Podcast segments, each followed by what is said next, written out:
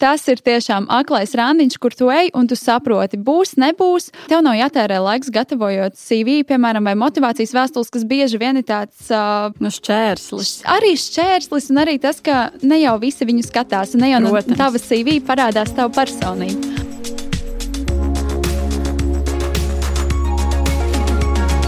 Čau! Es esmu Vineta Bērziņa, un tu klausies podkāstu, kas palīdz atrast darbu. Mans podkāsts ir cilvēcīgas un saprotamas sarunas par darba meklēšanu un atrašanu. Šodien podkāstu studijā ir ieradusies Tatjana un Kristiāna no mācību uzņēmuma Viņa partners. Sveikas, Dāvas! Sveika! Sveiki! Lūkšu iepazīstināt jūs ar klausītāju. Es esmu Kristiāna, viņa partneris mācību produktu speciāliste. Mans vārds Tatjana, un, un tik tiešām esmu uzņēmuma vadītāja. Šobrīd um, strādāju mācību nozare jau desmit gadus, esmu dinozaurs. Desmit gadi tātad tev, un savukārt tu, cik ilgi esi viņa partneris Kristiāna, un cik varbūt ilgi jau esi darba tirgu? Viņa partneris esmu kopš šī gada aprīļa, bet darba tirgu jau gadus, trīs, četrus jau strādāju kopš vidusskolas gadiem. Kopš vidusskolas. Nu, tad sanāk tieši tāpat kā, kā es pabeidzu vidusskolu un attiecīgi sāku strādāt. Varbūt varat vairāk pastāstīt par viņu partneri, kas varbūt ir jūsu klienti, ko jūs darat, ko jūs piedāvājat. Mm -hmm. Es sākšu varbūt ar pašu galveno. Es sākšu ar to, kas ir mūsu klients, jo šī ir tā specifiska lieta, ka mūsu klients ir uzņēmums, respektīvi nav privātpersona. Bet tāpat laikā, protams, komunicē jau cilvēks ar cilvēku. Tāpēc tas nozīmē, ka mūsu klients ir um, startautiskie uzņēmumi, valsts iestādes, jā, un, teiksim, minot nozares, pēc būtības tas ir visa apdrošināšana, bankas, valsts pakalpojumi un tā tālāk. Uh, bet klients, jeb kontaktpersona, ar ko mēs komunicējam, tas visbiežāk ir personāla daļa, un personāla daļa speciālisti, kur arī amati mūsdienas var būt ļoti kreatīvi, jā. Jā, bet pēc būtības tie ir visi cilvēki, kuri rūpējas par attīstību. Par darbinieku attīstību, tad mēs komunicējam arī ar departamentu vadītājiem. Un, protams, beigās, beigās jau mācības to gala rezultātu saņem mācību dalībnieks. Otra lieta, kas laikam ir būtiska, domājot par to, kas ir viņa partners, mēs esam top topā, jā, jo, protams, katrai nozarei ir savi līderi, tad mēs arī esam tajā topā kā viena no mācību kompānijām. Un trešā tāda ļoti fantastiska lieta, ka mums ir treneru komanda. Tas nozīmē, ka tas nav tikai viens vai divi treneri, bet tas ir pāri 20 šobrīd. Daudz. tas nozīmē, ka mēs varam nodrošināt mācības arī tad, kad vajag vienlaikus vairākiem cilvēkiem pie tam ar kaut kādām specifiskām lietām. Bet tas, ko es gribēju sākumā Jā. teikt, ar, ar ko mēs atšķiramies un kur mēs specializējamies, tas ir pielāgotas mācības. Jā, mums ir standarta risinājumi, bet ir jāsaka, ka mūsdienas klientiem jautājumi, ko vajag uzlabot vai ko vajag risināt, ir ļoti, ļoti dažādi. Un tas, ko mēs darām, mēs pielāgojam. Jā. Mm -hmm. Mums arī bija telefona saruna pirms šīs intervijas, un tu minēji soft skills, ka jūs trenējat tieši soft skills. Par to es vēlāk noteikti gribēšu vairāk parunāt. Arī klausītājiem droši vien interesē, kas tad ir tās soft skills, kā to var trenēt un ko tas viss nozīmē. Bet sākotnēji man gribās parunāt par nozari kā tādu, tātad mācību uzņēmums. Kā notiek vispār darbs nozarē?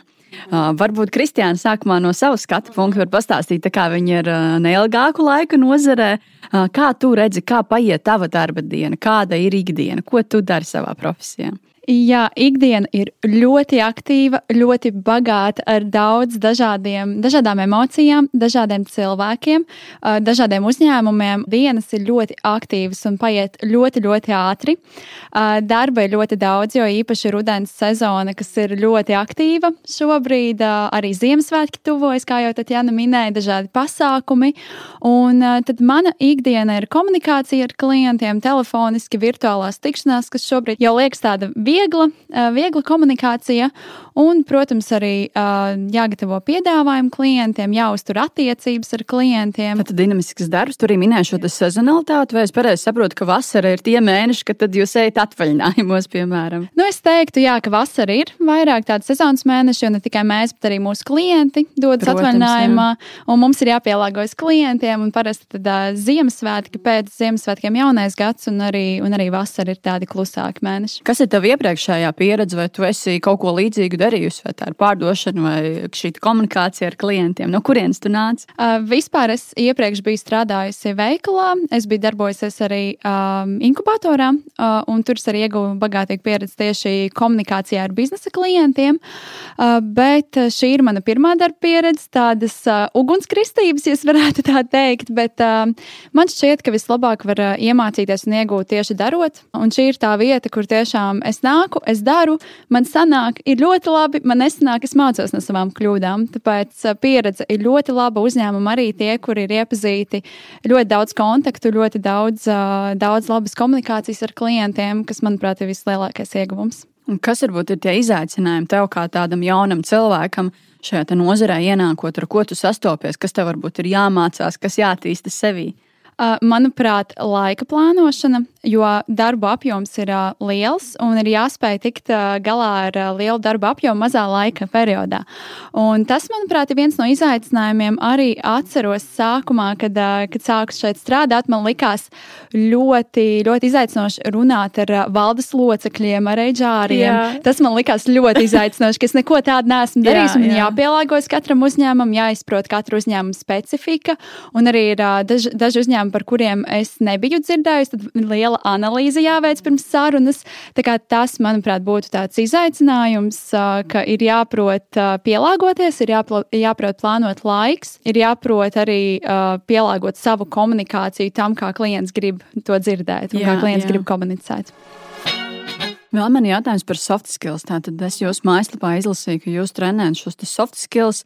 Uh, jā, droši vien klausītājiem jā. būtu interesanti, kas tas īsti ir soft skills un kāpēc tā, to ir jātrenē jā. mūsdienās. Es domāju, ka personāla daļas cilvēki uzreiz zina atbildi, vai ne? Uh, bet tik tiešām, uh, kas ir būtiski, mēs neesam koledža, mēs neesam universitāte, mēs nerunājam par pieņemsim kaut kādas IT sistēmas apmācībām, jā, vai, vai pieņemsim ugunsdrošības apmācībām, vai vēl kaut kas. Jā, tas ir tādas tehniskas lietas. Soft skills tas ir tās vieglas, vieglas lietas, bet bez kurām nevar mūsdienas izdzīvot. Tas ir komunikācija prasmes, tas ir līderisms, tā ir vadīt prasme, tas ir sarežģīto situāciju risināšanas prasmes, pārmaiņu vadība, labbūtība un tā tālāk. Un kas ir interesanti, kā arī šeit ir nu, savas mūsdienīgas tēmas. Piemēram, Covid arī nu, sanāk, baigi bieži pieminēt, bet, protams, arī ietekmēja, ka kopš jau pagājušā gadā nu, tādas top tēmas ir pavisam vieglas, tādas, ja tā drīkst teikt. Tur ir komandas labbūtība, tur ir emociju pārvaldība, emocionāla inteligence, tur ir pieminēta labbūtība. Respektīvi, viss pār un ap to, kā mēs jūtamies komandā, kā mēs sadarbojamies komandā, kā mēs komunicējam.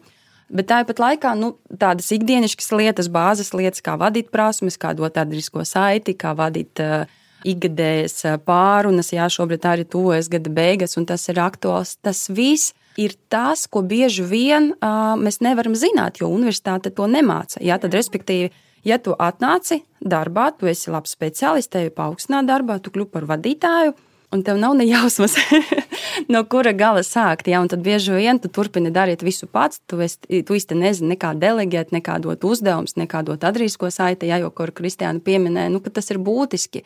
Un attālinātajā darbā visur par šo runā, ja, ka komunikācija ar komandu ir jābūt nu, divreiz lielākai. Ja? Gan par to, kas mums labi izdodas, gan par to, ko vajag korrigēt. Līdz ar to jautājumu klāsts, ko mācīt, ko attīstīt, jeb soft skills, viņš ir tik tiešām ļoti plašs. Atkarībā plaš, no nozares. Jā. Jā. Saki, lūdzu, kā tu pievienojies vispār vienu partneris? Kā, kas ir tas stāsts?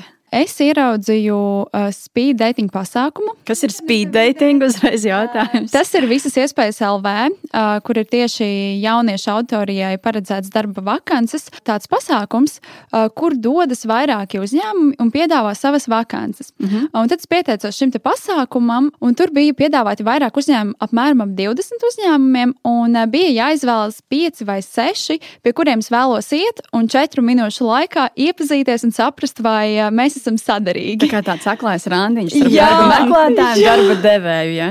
Tiešām aklais randiņš, jo tu vispār nezini, ko tu sagaidīsi. Ir maziņš aprakstīns par katru uzņēmumu, no kura nu, īsti, īsti vēl tev nav skaidrs, kas tev būs jādara un kas ir tie darba pienākumi. Mm -hmm. Un tas ir tiešām aklais randiņš, kur tu ej un tu saproti, būs, nebūs. Tev nav jātērē laiks gatavojot CV, piemēram, vai motivācijas vēstules, kas bieži vien ir tāds nu, šķērslis. Arī šķērslis, un arī tas, ka ne jau visi viņu skatās, un ne jau Protams. no tavas CV parādās tava personība.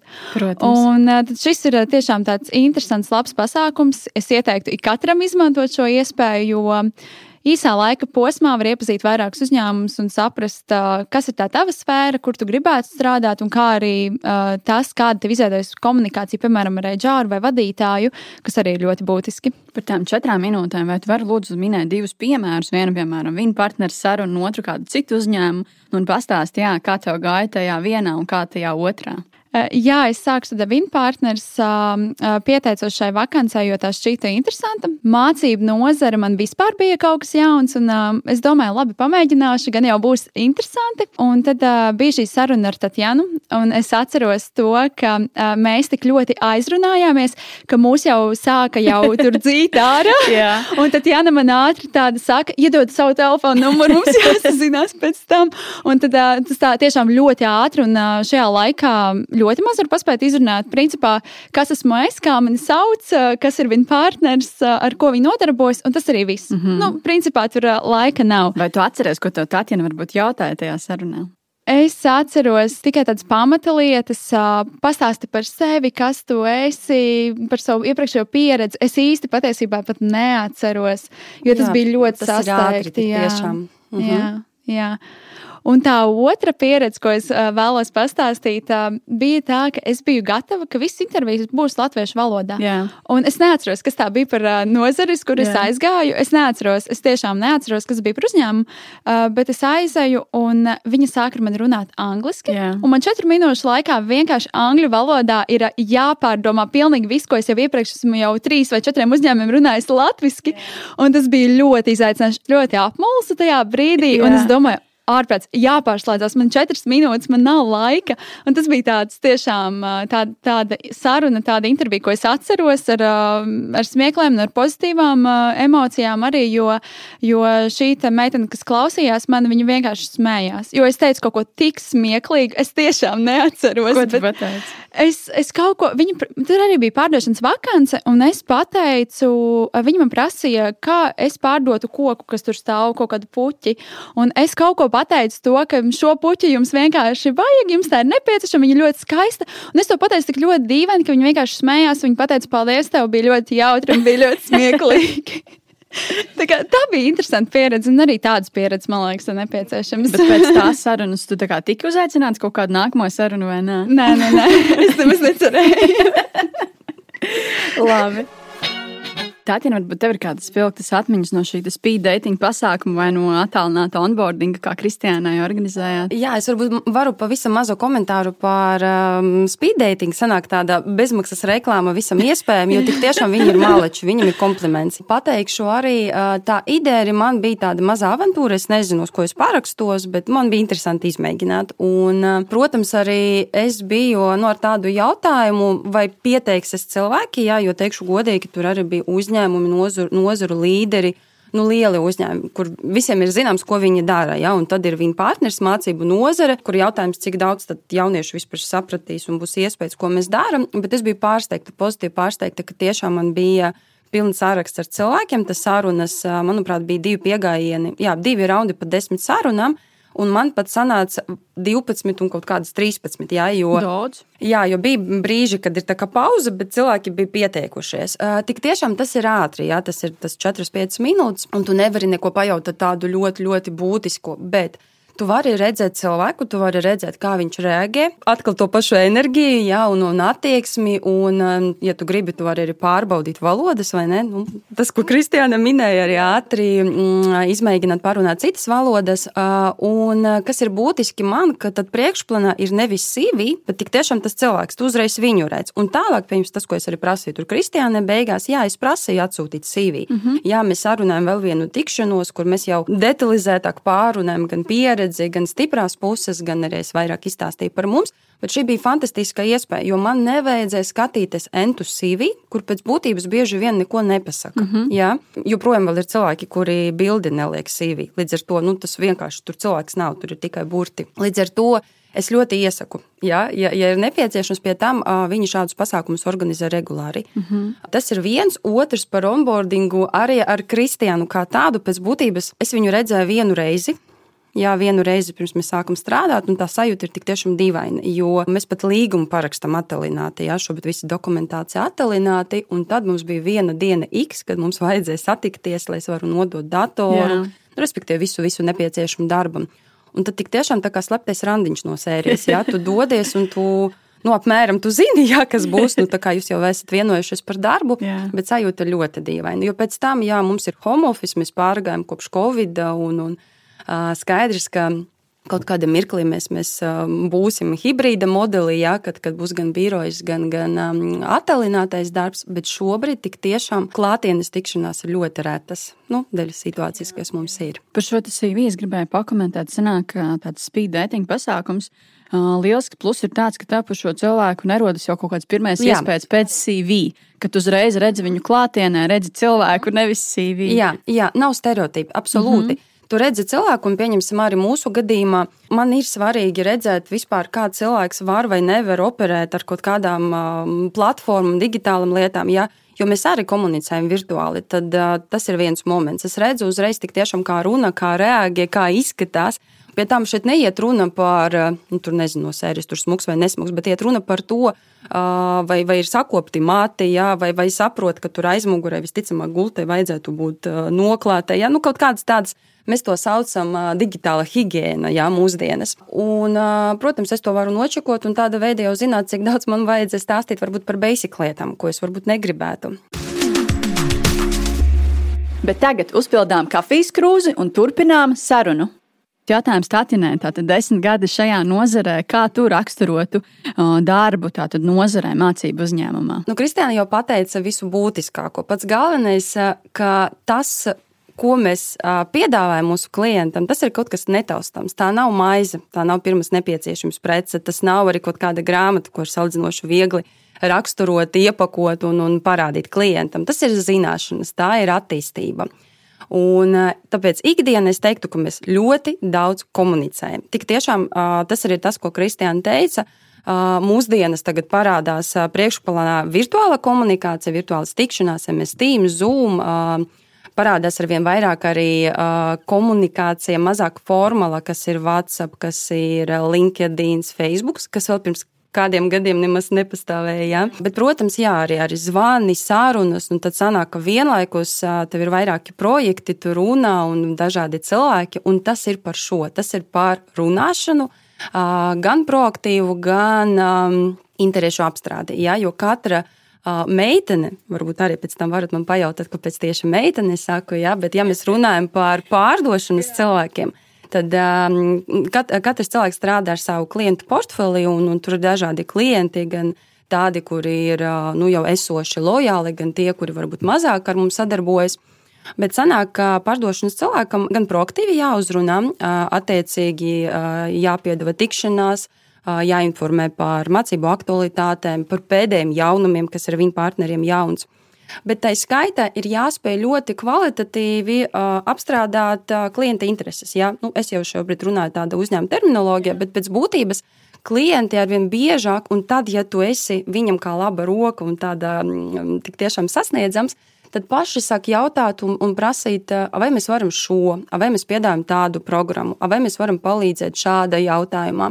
Un tad, protams, ir svarīgi dabūt to uzticību, iepazīties ar klientu un pēc tam uh, izpildīt solījumus, ko mēs dodam mūsu klientam. Tas ir tas būtiskākais. Tu minēji pārdevējus, minēji iepriekš arī trenerus. Kādu vēl varbūt ir amati jūsu uzņēmumā, uh -huh, lai mhm, tie ir klausītājs, uh -huh. var saprast? Jā, tātad Kristiāna ir pārdošanas speciālists, un tas amats saucas mācību produktu speciālists, par ko mums šobrīd ir aktīvas vakances. Tad mums vēl ir mācību projektu vadītāji. Tie ir cilvēki, kuri jau organizē mācības, ja? respektīvi visu, ko mēs esam saplānojuši kopā ar klientu, tālāk jau organizē.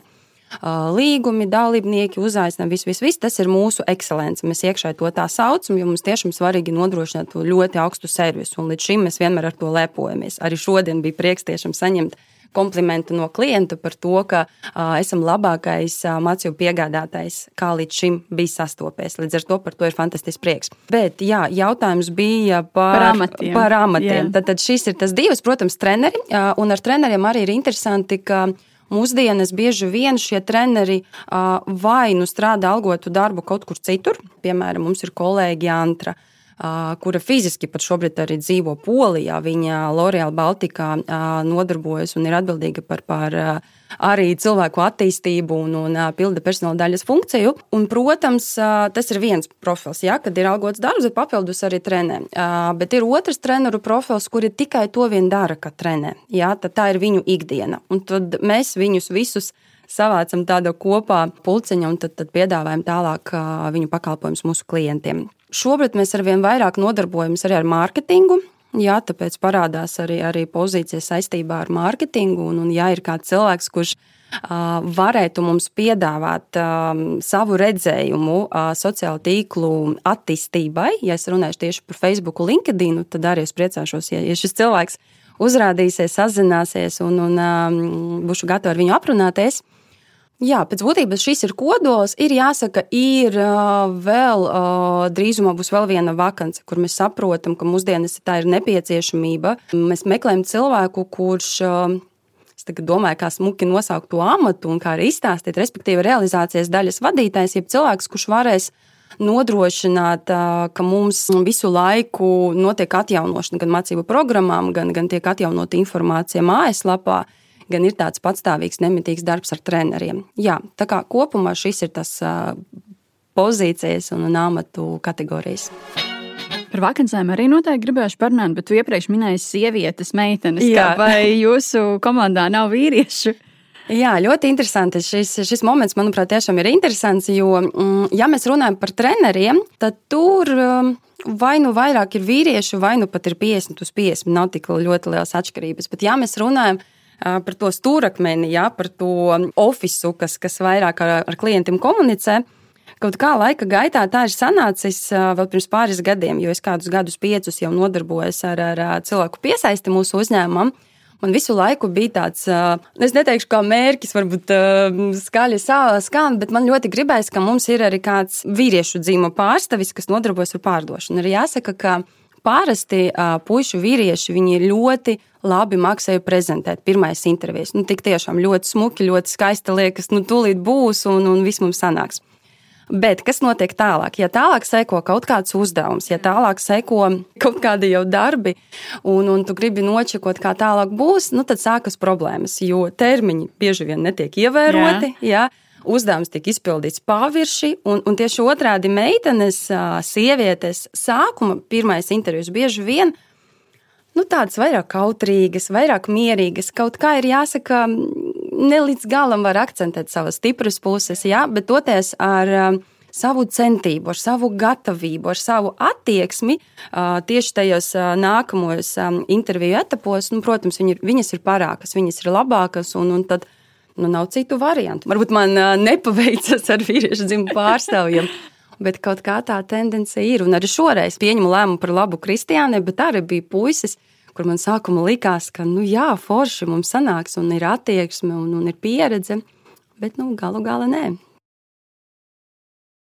Par vakancēm. Tu minēji, ka šobrīd tev ir trīs vakances.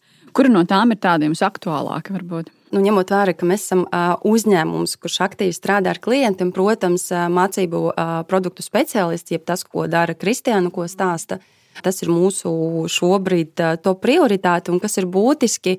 Tas netiek meklēts cilvēks kāda cita cilvēka vietā. Jā, mhm. manuprāt, tā ir būtiska nianse.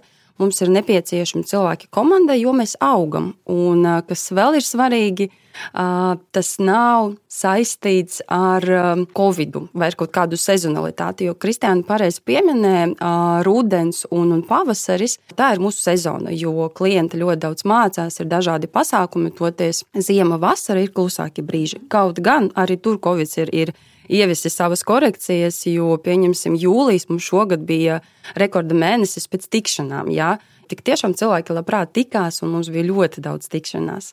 Tā kā runājot par to, kas ir būtiskākā vakance, noteikti tas ir mācību produktu speciālists, bet tāpat laikā arī tas citas, kuras vēl šobrīd nav nemaz publicētas. Jā? Jā. Tas arī ir svarīgi. Jā. Ja nu kāds klausītājs klausās un, un, un interesē, varbūt Kristiānas darbs, varbūt pavisam īsumā, kādas ir prasības, ja, nu, ja nu uh -huh. kāds grib pieteikties? Jā, man liekas, arī mūsu telefona saruna sākumā es arī akcentēju, ka man ir ļoti svarīga attieksme. Man ir ļoti svarīga gatavība mācīties, un um, primāri tas, uz ko es skatos, es skatos, lai cilvēks ir dzīves un enerģisks. Jā, pateikšu, kāpēc arī tas ir būtiski. Arī, arī braucot uz, uz šo interviju ar Kristiānu, runājam, ka mūsdienas kaut kā bieži vien ir cilvēki, kuriem nu, nav varbūt tādi plāni, mērķi, un kuriem no sērijas, nu, kur vējš pūš, tur es arī dodos. Jā, jā. Un, diemžēl intervijas bieži vien ir ļoti labs CV, ir laba pieredze bet cilvēkam nav intereses par to, ko viņš dara. Un to ar viņu runā. Un liekas, ka viņam absolūti vienalga, vai strādāt pie tevis, vai strādāt kaut kur citur, vai, vai varbūt vispār nestrādāt. Jā. Ja? Šis ir tas viens, es gribu dzīvo, enerģisku cilvēku, kurš kur, kuram deg acis. Jo īstenībā arī tad, kad mēs prasām mūsu klientiem, kas ir tas, kā jūs varētu raksturot viņu kolēģi, mūsu klienti saka, tas ir tas degošs acis nu, mēs ķeram kaifu no tā, ko mēs darām. Ja? Tas ir ārkārtīgi svarīgi. Un, protams, klients to jūt. Bet, ja mēs runājam par prasmēm, man svarīgas valodas, tas ir vienkārši mūsu ikdiena. Jo šobrīd mēs komunicējam ar klientiem, piemēram, plānojot mācības latviešu kolēģiem kaut kāda bankā. Mums fiziski ir jākomunicē ar personāla daļu, kuri atrodas Lietuvā vai Igaunijā. Un tad, protams, bieži vien tā noteicoša valoda ir angļu valoda. Krievu valoda šobrīd ir rētāka, ja mēs runājam par Latviju, bet tiklīdz parādās, piemēram, filiāles, kur ir uh, Baltkrievija, Krievija. Tad arī tur bieži vien krievu valodā ir, ir labi zināt, vismaz tik tālu, ka var nu, uzrakstīt um, bāzes lietas vai, vai atbildēt pa telefonu, nu, tā par projektu izstāstīt. Tā kā prasmes, es vēlreiz atkārtošos, svarīgs dzīves enerģijas cilvēks, jā. Jā, kuram, kuram uh, gribās ar šo nodarboties, ir patiesa interese, ir nepieciešamas trīs valodas. Ja ir tikai latviešu, angļu, tad tas arī ir ok, var, var sākt runāt. Pārējais par prasmēm, es, protams, skatos, ko tas cilvēks ir darījis līdz šīm, un vai viņam ir biznesa to biznesa pārdošana, jo tas ir tas, ar ko es iesāku. Ja? Bet svarīgākais ir tiešām vēlme mācīties, jo es nekad nebaidījos no tā, ka cilvēks nāk varbūt ar mazāko pieredzi vai vispār bez, jo ar pareizu attieksmi visu var iemācīties. Un gan es pati, gan mani kolēģi, treneri. Mēs visi tik tiešām dalāmies ar savām zināšanām, un kas ir būtiski arī pārbaudas laikā, mēs pēc būtības uz tikšanām ejam kopā, ja, piedāvājumus gatavojam kopā. Respektīvi, nu, tas atbalsts tik tiešām ir, ir, ir no mūsu puses, un tas zināšanas tiek nodotas. Un tas varbūt pat ir labāk iemācīt, nekā ja cilvēkam ir ļoti nu, tāds savs viedoklis par visu. Un varbūt, ja viņš nav gatavs mainīt to viedokli, jā, tas varētu būt pat sarežģītāk abām pusēm. Kā ar šo pieredzi, iepriekšējo pieredzi, tu minēji, kā, ka var arī nebūt. Vai es pareizi saprotu, ka uh, pie jums var nākt strādāt, piemēram, jaunieši vai cilvēki, kuriem grib pārklicēties, kaut ko mainīt savā dzīvēm? Nu, piemēram, man tikko ienāca prātā piemērs skolotājs, tagad, kur ir izdeguši, grib iet projām no skolas, kaut ko mainīt savā ziņā viņiem ir pieredze, varbūt mācīt, varbūt nav pieredze ar biznesa klientiem, bet nu, uh mhm. -huh. šāda tāda pieredze ir, vai, vai tādus cilvēkus jūs ņemat? Es domāju, ka skolotājiem būs ļoti grūti sākt darboties biznesa vidē, jo tā ir absolūti cita vide, šeit ir citi noteikumi. Līdz ar to es domāju, jautājums, vai tas cilvēks ir gatavs tik ļoti mainīt un tik ļoti transformēt savu ikdienu. Jā, šis ir tas galvenais. Par jauniem cilvēkiem runājot arī arī Kristiāna mums ir ļoti jauna. Tad, kad mēs sākam darba attiecības, nu arī bija tāds jautājums, vai viņa spēs, jā, jo tik tiešām valdes locekļi, personāla daļas vadītājs, jā, amati, startautiski uzņēmumi, tas viss iedod tādu lielāku vai mazāku spiedienu. Jā, nu, stresiņu, stresiņu tādu, jā. iedot. Jā. Ir jāsaka, ka šobrīd ar virtuālo vidi ir vienkāršāk, jo tikšanās visas notiek attālināti. Tev nav jādodas tur uz sesto stāvu jāpiesakas apsardzēji, jāpiesakas vizītē un tā tālāk. Jā, un respektīvi tur nezinu, valde sēde, galds, pieci cilvēki. Šis, šis nav, mēs esam virtuāli. Bet jebkura gadījumā pavisam jaunam cilvēkam varētu būt izaicinoši. Jo jautājums, vai uh, viņš var radīt tēlu, ja, ka viņš uh, ir zinošs tajā jautājumā, kurā viņš uh, runā, vai viņš var arī norientēties dažādas situācijas. Ja? Tā kā, ja tu prasi man, Es teiktu, ka jā, mēs varam runāt, jā, bet es domāju, ka pavisam jauniem cilvēkiem vai cilvēkiem pavisam no citas sfēras varētu būt izaicinoši. Kristiāna, varbūt pakomentē, kā, kā tu jūties. Jā, es gan domāju to, ka jaunie cilvēki bieži vien ir ļoti ambiciozi, un viņi pat, teiksim, no sevis, ja es, ja es vērtēju sevi, Es nācu vienkārši nezinot, ko es darīšu. Es, es nācu ar rīktīgu izaicinājumu, es pielāgojos, es darīju, es mācījos, un tā es arī ieguvu tos rezultātus. Tāpēc es domāju, ka papildinot Tatjanu, ir vienkārši jābūt vēlmei. Ir jābūt gribai to darīt, un, ja tu gribi, tad arī tev reāli izdosies, un būs viss kārtībā. Un visu var iemācīties. Manuprāt, visu var iemācīties arī pārkāpt pāri komforta zonai. Var. Galvenais ir gribēt, galvenais ir tā mērķtiecība un tā vēlme iemācīties un darīt. Un kā tu personīgi tiec galā ar stresu, ar uztraukumu? Es ticu, ka noteikti ir kaut kādi tādi brīži. Arī man, kad strādāju personāla atlasē, kad bija jātiekās, piemēram, ar uzņēmumiem, nu, man sākotnēji bija šis satraukums, kaut kur ir jābrauc ar kaut kādiem cilvēkiem, jārunā ar vadītājiem, HR vadītājiem un tā tālāk. Kā tu tiec galā ar to? Sākotnēji man arī bija ļoti liels uztraukums, bet uh, to izkliedēja tas, ka vai nu Tatjana vai kāda cita kolēģe nāca ar mani kopā. Sākotnēji tikšanās vadīja vai nu Tatjana vai nu kolēģis, klausījos un mācījos, un tad jau palēnām tā proporcija mainījās. Es sāku vairāk runāt, mani tikai papildināja, un tas man šķiet dod lielu tādu ieguvumu, pa, kā pārvarēt stresu, jo, protams, ir liels stress runāt ar uh, ietekmīgiem uzņēmumiem, komunicēt, un ba, tā kā ir mazliet arī bailes, ka tu pateiksi kaut ko ne tā, vai viņš sapratīs citādāk, vai, nepieciešams savādāk pateikt. Tā stresa pārvaldība ir ļoti lielā mērā atkarīga no kolēģiem, no kolēģu atbalsta, no tā, ka kaut kas tev neizdodas, tev ir atgriezniskā saite. Kā daram nākamreiz citādāk? Un tas uh, liek pārvarēt šo stresu un vēl arī pieredzi. Jo vairāk ej uz tām sarunām, uz tām tikšanām, jo jau arvien mazāk un mazāk ir tas stress. Ja arī ir kāda situācija, kurā ir mazliet problēma situācijas, tā negribētu teikt, bet vairāk izaicinoša, mm -hmm. jā, tad jau tu saproti, kā tikt no tās situācijas laukā un kā atrast risinājumu. Tāpēc es domāju, ka pieredze un kolēģi atbalsts ir tas, kas ir pats būtiskākais. Nu, paldies, jā, ka atnācāt dāmas. Man liekas, ja nemaldos, pirmo reizi pie manis ciemojas mācību uzņēmums, un uh, prieks bija vairāk uzzināt par šo nozari nozari. Saprotu, ka šī nozara ļoti dinamiska. Tas man visvairāk palika atmiņā. Tā kā ceru, ka arī klausītājs varbūt šo to jaunu uzzināja gan par soft skills, gan par uh, speed dating. Tā kā jauni, jauni vārdi šodien uzzināti, dzirdēti. Paldies liels! Un, uh, ja kādam ir interesi uzzināt vairāk par viņu partnerus, tad kur jūs varat atrast? Jā. Uh, mūs šobrīd var atrast uh, gan mājaslapā, uh, viņa partners.lv, un mēs tik tiešām ļoti daudz strādājam pie tā, lai mājaslapa ir cilvēkiem ērta un ir pieejama telefonos. Jā. Uh, mēs esam sociālos tīklos, LinkedIn, Facebook. Uh, Instagrams. Jā, tā kā šobrīd mēs esam sasniedzami visur, galvenais izvēlēties to kanālu, kā pašam cilvēkam ir ērtāk. Lieliski! Paldies! Paldies! Paldies. Tu noklausījies podkāstu, kas palīdz atrast darbu. Lai dzirdētu visas intervijas, seko pirms darba visās podkāstu aplikācijās, arī Facebook, Instagram un YouTube. Iesaki tēmu, nāc uz interviju vai reklamē savu uzņēmumu podkāstā. Kontaktus atradīsi epizodes aprakstos un manā LinkedIn. Uz sadzirdēšanos!